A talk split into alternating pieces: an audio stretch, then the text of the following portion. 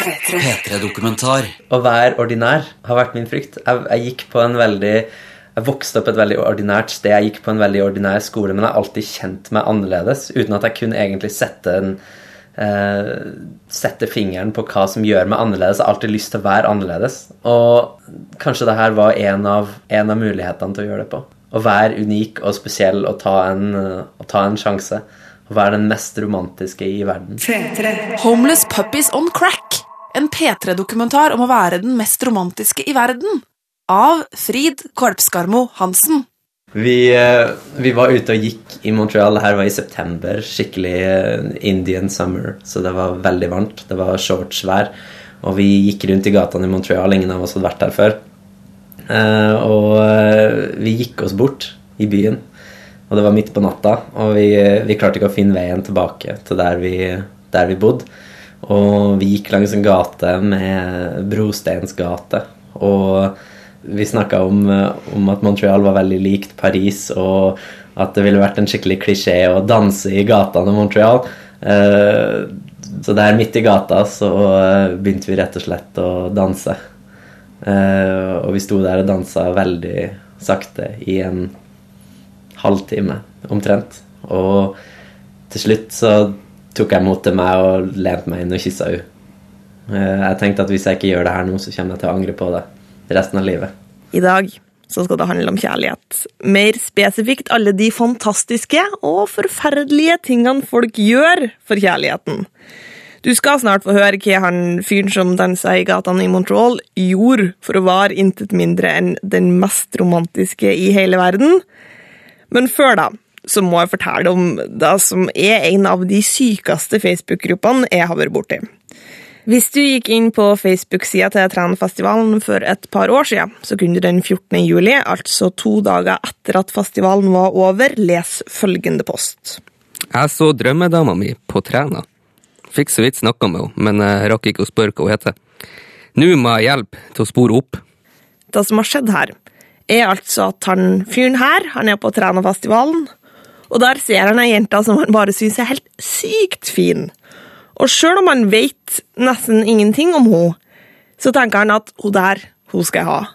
Tiden den er med andre ord kommet for å opprette Facebook-gruppa Hvem er drømmedama mi? Inne på denne Facebook-gruppa er det òg et bilde av denne jenta, i vanvittig dårlig kvalitet. Det ser ut som han har funnet et bilde kanskje i et festivalbildegalleri eller noe, der hun står i bakgrunnen i en folkemengde, og så har han bare zooma helt sinnssykt mye inn. Han fyren her har rett og slett blitt overveldet av følelsen av at det her er den jenta han har leta etter. Det er hun som er drømmen. Derfor oppretta en Facebook-gruppe, snakker til og med med lokalaviser, og det er jo så stor fallhøyde i dette prosjektet at det får litt vondt inni meg.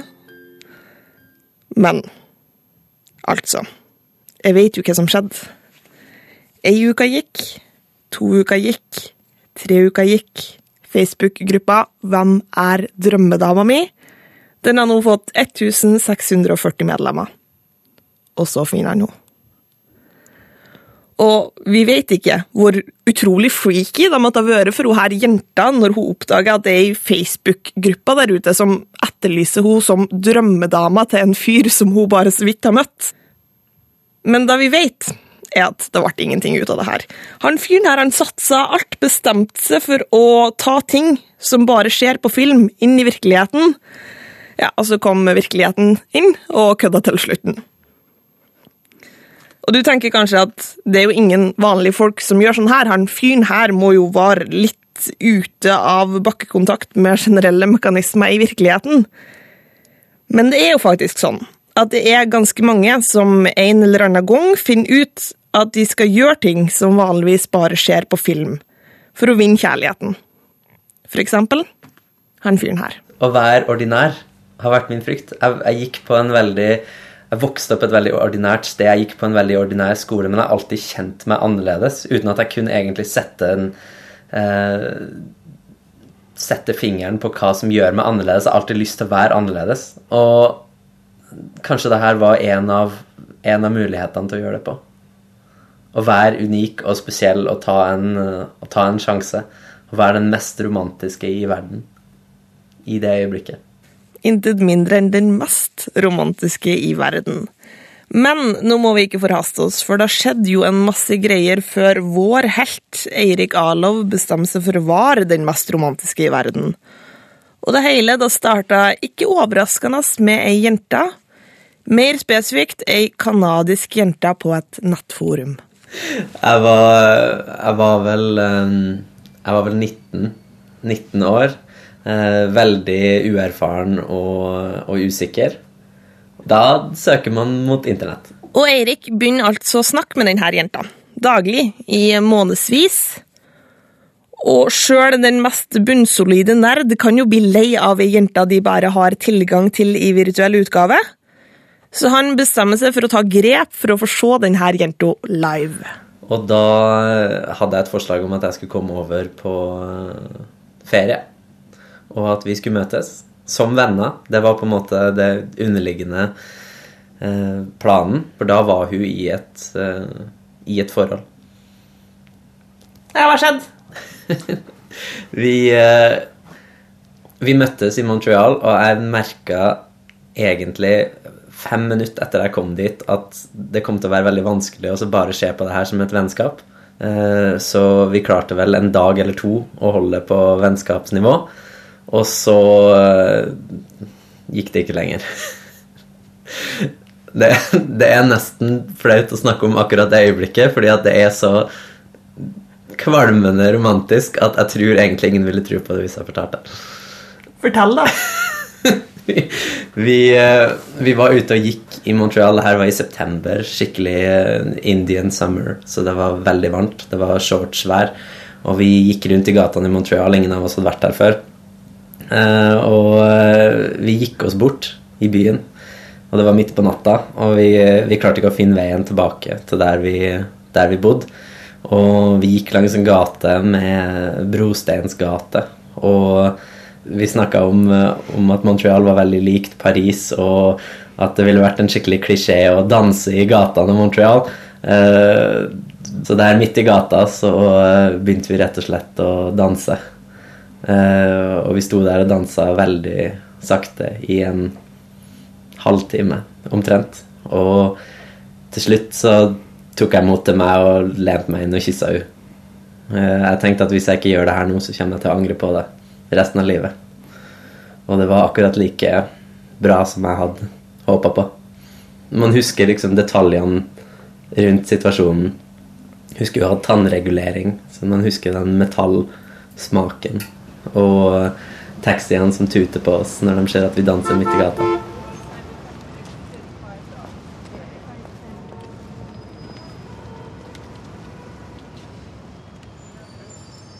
Ok, men nå tenker du kanskje at det var det her Eirik gjorde for å være Hva var det han kalte det sjøl?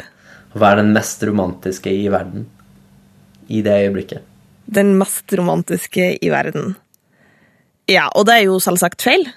Bestemmelsen om å være den mest romantiske i verden, den kom først senere. Først så var det lykke på en rosa sky lenge. Eirik reiser hjem, hun gjør da slutt med kjæresten sin. Og da var jeg rett og slett så direkte at jeg spurte vil du være kjæresten min, og da svarte hun ja med en gang. Hvor seriøst var det? Det var såpass seriøst at vi snakka om å, å, flytte sammen. Jeg var klar for å, for å rett og slett flytte fra alt, da, og flytte dit. Ja, Tenkte du da at det her, dette er kjærligheten i mitt liv? Dette ja, er jeg? Det var, akkurat, det var akkurat det jeg tenkte. Fordi det var ingenting som hadde kjentes så eh, naturlig ut før. Og med så lite Og med så lite drama. Det er akkurat sånn som man drømmer om det at det skal være. Men så går det slik det statistisk sett ofte gjør, nemlig galt. Det ble mer og mer vondt de gangene jeg måtte dra. Og den siste gangen jeg var der, så sa hun rett og slett at det øyeblikket du lander med flyet, så begynner jeg allerede å grue meg til du skal dra igjen. Så det var rett og slett så hardt for hun, den tanken om at, eh, om at jeg måtte dra igjen etter en uke, at, eh, at hun klarte ikke å nyte de øyeblikkene vi hadde sammen. Og det sa jeg til hun direkte, at jeg har ikke lyst til å ødelegge kjæresten min. Det kjennes ut som jeg gjør det akkurat nå. Og så, så kjente jeg at jeg må bare spørre, så sa jeg tror du det ville være lettere for deg hvis vi ikke var sammen? Og da venta hun et par sekunder, og så sa hun ja. Men, men hva du tenkte når du sa det? Jeg tenkte vel at, at jeg hadde vært ganske blind for de problemene vi hadde. Altså et, et langdistanseforhold over så stor Men tenker du da med en gang? Jeg tenker at Det er litt sånn refleksjonstanker. Jeg tenker Med en Ja. gang så tenker man sånn Å nei. Å, helvete, livet mitt er slutt. ja, nei Ma, Ja, jo vel, man uh, Man tenker vel egentlig Jeg tror kanskje den første tanken min er jeg kommer aldri til å finne noe så bra igjen. Det var vel den første tanken min. Det er nå tiden er kommet for å være den mest romantiske i verden. Planen fikk jeg gjennom, eh, gjennom en venninne som mente at, at, at alt det kvinner vil, er at en mann skal komme og bare vinne dem tilbake. Bare møte opp på døra og si at 'jeg vil ha deg tilbake'. Så, så det var planen, rett og slett. Uten å advare hun, dra over dit og ringe på døra hennes. Hadde du noen sånne bilder i hodet av hva som kom til å skje? Ja, det Jeg hadde allerede eh, Jeg hadde tenkt å, å, å ringe til søstera hennes, sånn at jeg skulle vite om hun var på jobb eller, eller hjemme, sånn at jeg kunne time det, sånn at jeg visste at, at det var hun som kom til å åpne døra. Eh, og jeg hadde rett og slett ikke tenkt å si noen ting, jeg hadde bare tenkt å ringe på. Og når hun åpna døra, så skulle hun se at det var meg, og bli, eh, og bli sjokkert, men også veldig glad. Og det var rett og slett Jeg så for meg det øyeblikket som, som det perfekte øyeblikket. Som, som lykke da det ordna seg igjen.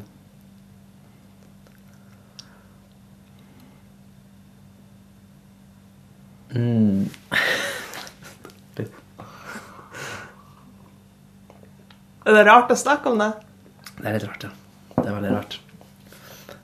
Så det jeg rett og slett gjør, er at jeg går på eh, Jeg går på høyskolen. Jeg sier jeg må, til læreren min at jeg må ha fri fordi jeg skal vinne tilbake kjærligheten. Jeg sier det faktisk på den måten. Det, det høres veldig ut som en kioskroman, men eh, læreren min på høyskolen er faktisk veldig eh, åpen for ideen, så så lenge jeg gjør mine studieoppgaver, så får jeg, så får jeg fri. Og så eh, gikk jeg rett og slett inn på nettet og bestilte flybilletter.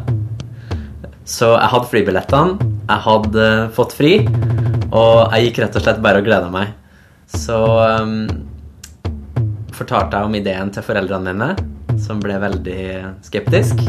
Men det er jo jobben til foreldrene. De skal være veldig realistiske og skeptiske. så jeg brydde meg ikke så mye om det. Hvor lenge var det til du skulle reise? Da var det ca. to uker til jeg skulle reise. Og så uh, prata jeg med ei venninne som uh, hadde opplevd nesten det samme. Hun hadde opplevd at en ekskjæreste kom på uh, døra hennes plutselig en dag, og hun ble rett og slett sur. Og når hun sa det, så begynte jeg å tenke at det, det har du jo egentlig rett i. Det er ganske dårlig gjort. Så da bestemte jeg meg. Da tenker jeg at jeg skulle ringe Da ringer jeg ekskjæresten min, og uten å si at jeg har bestilt flybillett, prøve å fiske litt eh, om det ville være en god idé å, eh, å komme over, da. Så jeg la det fram som at eh, jeg hadde vurdert å ta meg en ferietur til, eh, til Canada. Og det kan være at jeg kommer innom byen din. Eh, hva vil du tro om det?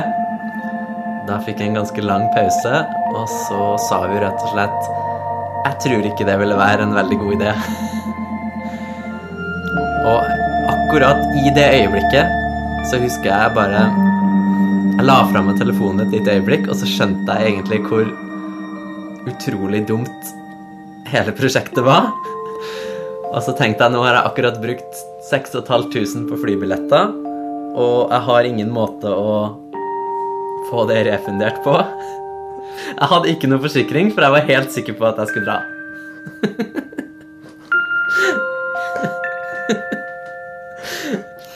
Kjærligheten får deg til å gjøre veldig dumme ting. Å, herregud. Men hvordan Jeg bare etter det her Der i øyeblikket så tror du at verden er slutt. Og det, du hører ikke på noen andre. Uansett, uansett hva andre sier, så er du helt sikker på at verden er slutt. Jeg sammenligna alle nye jenter jeg møtte med, med ekskjæresten min, og ingen nådde opp i det hele tatt. Det er jo den ultimate klisjeen at du, du går rett og slett eh, Du går rundt i byen, og så ser du en eh, CD-cover eller noen ting som, eh, som er på en CD som dere pleide å høre på, eller du hører en sang på radioen, eller Det er den verste kjærlighetssorgklisjeen som faktisk er Som faktisk stemmer. Det er klassiske 'Everything reminds me of you'. Nettopp. Eh, og jeg skrev til og med en sang om, om akkurat det. Om, eh, om, å, eh, om at alt du, alt du møter på, minner deg på, minner deg på det forrige forholdet man har. Kan ikke, kan ikke du spille? Ja, kanskje. Det er lenge siden jeg har spilt den.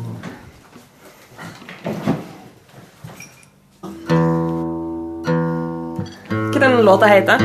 Homeless puppies on crack. Det er det tristeste i verden. Du setter sammen flere triste ting. Du setter sammen hjemløshet og eh, noen som har eh, gått fra valper, og folk som er avhengig av crack. Hvis du slår sammen det, så blir det tristeste i verden. Og det er følelsen man har etter man har mista kjæresten sin.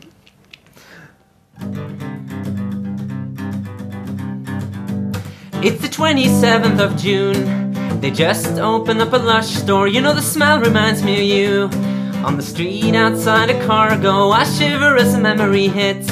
Reach in my pocket, crank up the iPod. I doubt it will move the black clown. Now it's all about survival. Tiny reminders always take me back. Silent summer's puppies addicted to crack. Almost as bad as the airport goodbye. And I really fucking try to convince myself I'm just like Kenny Rollins back in 1982. I'm bitter like a case of Morrissey's tears. Got a whole lot of debt, a whole lot of fear. I'm angry, critical of couples I see, stupidly in love. I can run 8 miles in 49 minutes when I sing this song. My whole heart's in it, the undertow, dragging me into a lake of bad cliches. And whatever I sing, Blake sang better. The alphabet needs a few extra letters to describe the feeling never being able to see her again. I'll never see her again. I'll never see her again. I'll never see her again. Men eh, du sa jo da at når det ble slutt med henne først, så sa, var første tanken Jeg blir aldri å finne meg noe bedre. Ja. Så fant du noe bedre, eller? Ja. Møtte du henne på en eh, realistisk og ordinær måte, eller? Veldig realistisk, ordinær måte på jobb. Men hva ville ha skjedd hvis han faktisk reiste dit, stilte seg utafor døra hennes og sa 'ta meg tilbake'? Og her så må jeg komme med en liten innrømmelse, for det har seg nemlig sånn at noe ganske lignende har skjedd med meg. For fire år siden så var jeg noen måneder i Brasil, og i løpet av dette oppholdet så pådrar jeg meg en brasiliansk kjæreste. Han var høy, mørk og dessuten rik. Arving til sukkerrørsbrennevinspenger. Alt da var digg, men så reiser jo jeg tilbake til Norge, høsten kommer. Jeg flyttet til Volda på Sunnmøre for å studere, og det tok jo egentlig ganske kort tid før jeg gikk lei. Så jeg gjorde da slutt, og der var historien over i min bok. Jeg hadde jo på dette punktet ingen anelse om det forferdelige som skulle komme. Datoen er ironisk nok fredag den 13. Fredag den 13. februar, to dager før min bursdag. Jeg hadde et program på studentradioen som gikk på fredager klokka sju. Og denne fredagen, som alle andre fredager, så stikker jeg bort på skolen der vi har radiostudioet vårt. Når jeg kommer inn døra på høgskolen, så ser jeg noen som står attmed den inngangen som er på motsatt side av bygningen. Og jeg tenker jo at hm, her er det noen som har glemt inngangskortet sitt, jeg skal gå og åpne for de. Når jeg kommer litt nærmere, så tenker jeg hm, det der ligner jo faktisk litt på min eks-brasilianer, Vitor. Så kommer jeg helt nært og tenker faen i helvete, det der, det der er jo Vitor. Og jeg får jo fullstendig sjokk. Jeg åpner døra for han, det er jo ganske kaldt ute, han må jo få komme inn. Han omfavner meg med en gang, begynner å gråte, og jeg får jo fullstendig noia. Så jeg springer inn på rommet ved sida, det er av den låsbare sorten, Og der sitter noen jenter som går i klassen min, og i fullstendig sjokk så prøver jeg å forklare hva det er som har skjedd. Brasilianer, ekskjæreste, annet kontinent, har kommet hit. Og mens jeg forklarer det her, så skjønner jeg jo at det er jo bare innbilning. Det her Det har jo ikke skjedd. Sånne ting skjer jo heldigvis bare på film. Jeg puster letta ut, går tilbake ut i gangen og får sjokk igjen, for der er han jo selvfølgelig. Og her kommer vi til det punktet hvor jeg for første og forhåpentligvis siste gang i mitt liv klikker fullstendig. Jeg roper, skrik, kaster stoler bort gjennom gangen, benytte meg av det nordnorske vokabularets mest suspekte banneord. Din jævla kopphåndduk, satan, en oterpung! Men greia er jo at han fyren her han har jo ikke noe sted å gjøre av seg, så jeg blir jo nødt til å ta han med tilbake til min tolv kvadrat store studenthybel. Og det er jo ikke en flekk av meg som er forelska lenger, og det gjør jo at han er helt sykt irriterende, og han gjør det jo ikke bedre selv. For eksempel så er det jo sånn at hver gang jeg går ut, så skrur han opp temperaturen på hybelen min til ca. 35 grader, og så går han rundt i shorts.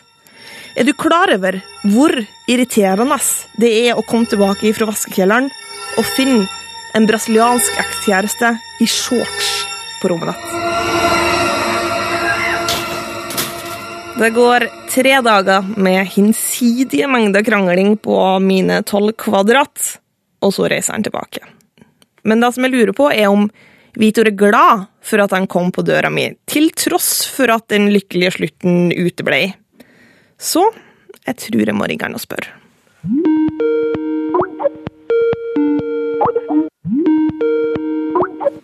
Hallo? Hallo? How are you? I'm, I'm quite fi- Hvordan har du det? Hæ? Hvordan har du det? Is that Norwegian? Hvordan Ja, har du det? Uh, hvordan har du det? Ja, etter en litt klein eh, takk for sist sekvens, så kommer vi til saken. How did you feel when I didn't respond the way that you had wanted me to? Um, mm, I felt like shit. But I was, I was also happy that at least I, I was with you and it, it felt right to have those bad moments, but with the person that I wanted by my side. What did you picture would happen? Actually, uh, what happened? It was what I I pictured. Like, I, I don't believe you. no, uh, well, I had I had hopes. Like, I had I had very romantic hopes, but I knew that the what was probable, what was really probable to happen was what happened. But I, I had to do it, like, for fun, for for love, for for all the good things of life. Og her så manner jeg meg opp til å stille det store spørsmålet. Spørsmålet som det egentlig er litt dårlig gjort å spørre, men som jeg like fullt gjerne vil høre svaret på. If I came to your door now, would you take me back?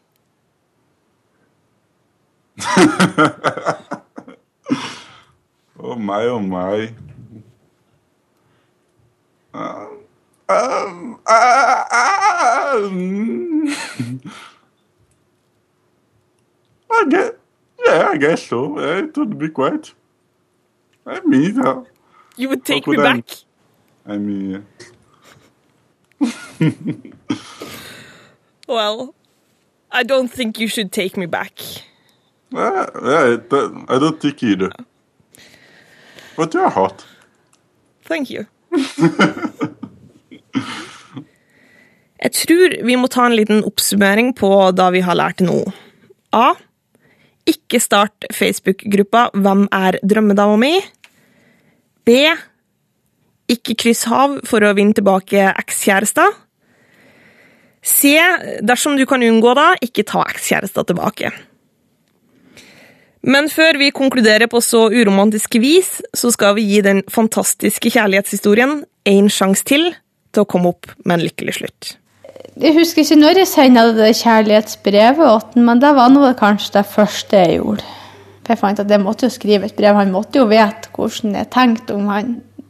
Jeg husker at eh, brevpapiret var gult med blå elefanter på. Bare det sier vel sitt om Ja, om alderen. Vi befinner oss i ei lita bygd i Nord-Norge som ligger helt på svenskegrensen. Og hun som snakker her, hun heter Mona. Og når historien starter, så viser kalenderen året 1996. Og det betyr at Mona hun er ni år. Ni år og superforelska. Det var nå vel mest sånn at jeg sto bare og lurkikka, og det regner jeg med han la merke til. Bare jeg så scooteren hans kom, så var det jo egentlig bare å springe og gjemme seg. Men hvor gammel var han da? 18. Ja, du hørte riktig. Det er et ganske heftig hinder som ligger i veien for denne kjærlighetshistorien. Mona sin utkårede, Jim Håkon, han er dobbelt så gammel som hun, altså 18 år. Men hun tenker jo at kjærligheten den kjenner ingen alder, det er jo et velkjent klisjéfaktum. Så her må det rett og slett skrives et kjærlighetsbrev. Og jeg vet at det direkte spørsmålet 'Vil du være kjæresten min?' var med i det brevet. Og sjøl om Mona aldri får svar på kjærlighetsbrevet, vi kan kanskje si heldigvis får hun aldri svar, så bleknes ikke forelskelsen. Og hun tar begjærlig imot all oppmerksomhet hun kan få. Og så blander han saft opp med. Ah, det var jo fantastisk. Og når Jim er på besøk hjemme hos foreldrene til Mona, ja, da lærer nød kjærlighetshungrig niåring å drikke kaffe. Det var litt stas når han for da og kunne drikke den koppen han hadde drukket. Så du snek deg dit og drakk av koppen hans? Ja. Som et slags kyss ad omveie? ja, store omveier. Sikkert det var samme sida en gang. Jeg vet man jo ikke. Drakk du kaffe på den hele tida? Nei. Ikke på noe vis. Det er det ikke ennå. Og man skulle jo tro at selv den mest standhaftige kjærlighet visner hen med så lite næring, men ikke her. Sjøl når Mona trer inn i tenårene, så husker hun på sin kjære Jim Håkon. Når jeg sender bursdagsgave til med kort når han ble Jeg tror det var når han ble 22, og da var jo jeg 13. Hva du ga han i bursdagsgave? Konjakkuler. Ja, ikke den perfekte gave til alle menn. Du skrev i kortet. Nei, der tror jeg det står bare helt uskyldig 'gratulerer med 22-årsdagen', faktisk. Jeg holdt den. Men jeg laga kort til den med bilde av han og svogeren min som sto ute og holdt på med scooterne. Det var mellomstesøstera mi som hadde tatt det. Så jeg fikk to eksemplarer av det bildet, og det ene har jeg hengende over senga på jenterommet mitt. Du hadde bilde av han hengende. Ja, og da har jeg fra jeg fikk det i Jeg tror det var i 97. 7 eller 98. Jeg var 10-11 år. Og da hang der helt til jeg flytta i han. Og nå antar jeg egentlig at du tenker 'hæ?' Hva var det hun sa akkurat der? Da hang der helt til jeg flytta i han. Hva skjedde? Hvordan gikk vi fra ni år gammel stalker til Flytta i han. Jo, nå skal jeg fortelle. Det som skjer, er at Mona blir 17-18 år. Hun drar på plattingfest i Ørjedalen, og der møter hun sin barndomsflamme. Og så snakker hun med han, for første gang som en voksen, og det bare klaffer. De liker hverandre kjempegodt. Det klaffa, rett og slett. Ja, nei, det ordna seg jo ganske greit. Nå i januar så er det vel sju år siden vi offisielt ble i lag. Og vi gifta oss for eh, i april for snart tre år siden, og har to unger. Syns du det er merkelig at kjæresten din, eller faktisk din kone, egentlig har vært sånn av og på forelska i det siden hun var ni år? Ja, det er jo litt spesielt. Det er det.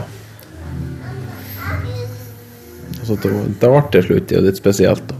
Hun vet åpenbart hva hun vil ha. Ja. Måtte jeg ha målbevisst. Eh, ja. Skal du ha en melk, ja? Bare gå ned til mamma, så får du melk. Du går til mamma, så får du melk. Ja. Ja. Sier du at du har hatt bilde av han hengende over senga di siden du var ti år? Ja, det har jeg. Det er har hengt der så lenge at det er merket i panelen.